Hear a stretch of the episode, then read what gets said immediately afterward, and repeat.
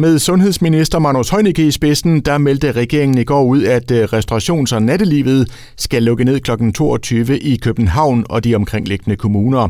Og derudover så skal både gæster og personale bære mundbind på barer og restauranter.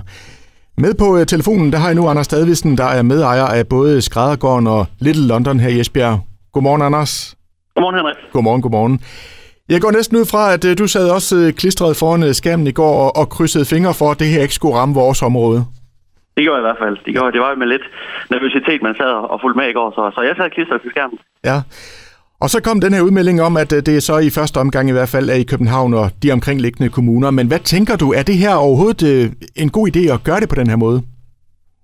Altså, jeg sad i hvert fald med følelsen af, at det ikke, det, det ikke var de rigtige, der blev, der blev lukket ned. Altså, man, jeg har fuld forståelse for, at regeringen går ind og gør noget, men, men jeg synes det, at man går ind og, og tager øh, bare natlivet, altså, jeg, jeg er ikke sikker på, at det, det er den rigtige løsning, de har valgt. Det, det er jeg ikke.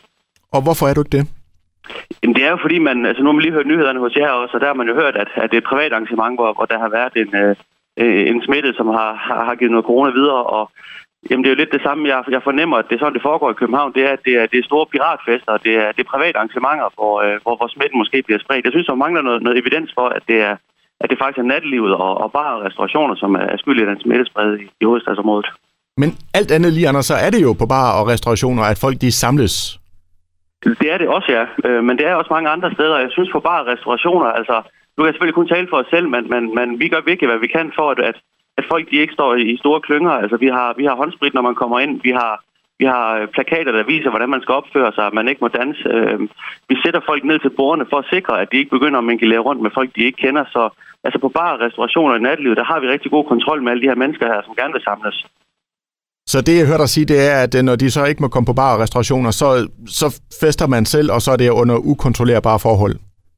Det ser man i hvert fald. Altså nu kan man se på sociale medier, hvordan sådan nogle piratfester de foregår, hvor der er 3-4, måske 500 mennesker, der er samlet i en stor klynge, som står og danser tæt op af hinanden, og det er ikke nødvendigvis folk, der kender hinanden. Øh, så, så, så der mener jeg i hvert fald ikke, der er særlig god kontrol med tingene. Og Anders, altså vi går sådan stille og roligt ind i, i den her julefrokostperiode nu her. Altså, hvor, hvilke konsekvenser får det her for både bar og restauranter osv.? Altså nu kan vi i hvert fald se, hvad, hvad konsekvenser det får hos os, og det er jo, at folk er begyndt at, at aflyse deres julefrokoster. Øh, allerede nu her har vi nogle store arrangementer, hvor folk faktisk er begyndt at aflyse øh, weekenden. Vi, vi næsten lige gået ud af, der havde vi der havde vi to private arrangementer, hvor, hvor de simpelthen aflyste, fordi de, de, de turde simpelthen ikke samle. Det var, det var virksomheder, som ikke var, ikke, ikke var helt klar på, at deres ansatte fra, fra lærerkontor og alt Så det er vi fuldt fuldse for, men, men det er selvfølgelig ærgerligt for hele branchen, at de aflysninger begynder at komme. Og nu er det jo så i første omgang i København og de omkringliggende kommuner, at man har øh, lavet de her restriktioner. Tænker du også, at det på et tidspunkt bliver aktuelt her i vores område? Altså, vi kan jo, vi kan jo lytte os lidt til, hvad, hvad, hvad der sker rundt omkring, og vi kan se, at, at smitten den stiger også i vores område, så vi er lidt nervøse for, at, øh, at det på et tidspunkt også kommer her. Øh, vi håber ikke, at det bliver til kl. 22, men, men hvis man måske i første omgang kunne sige til kl. 12, og så se, om det har en mærkbar effekt. Altså det, som vi oplevede sidst, når vi skulle lukke kl. 12, det var bare, at, at folk de stiger sammen til privatfester, når vi lukkede ned.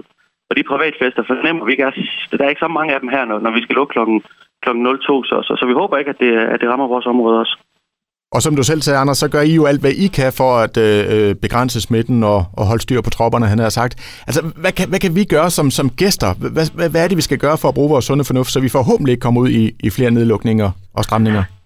Jamen, som du selv siger, så er det jo altså bruge sin sunde fornuft. Jeg tror ikke, der er nogen, der er i tvivl om, at man må altså ikke danse længere. Øhm, og det har folk, de fleste også forstået, at man, man må ikke danse, når man er ude blandt andre mennesker.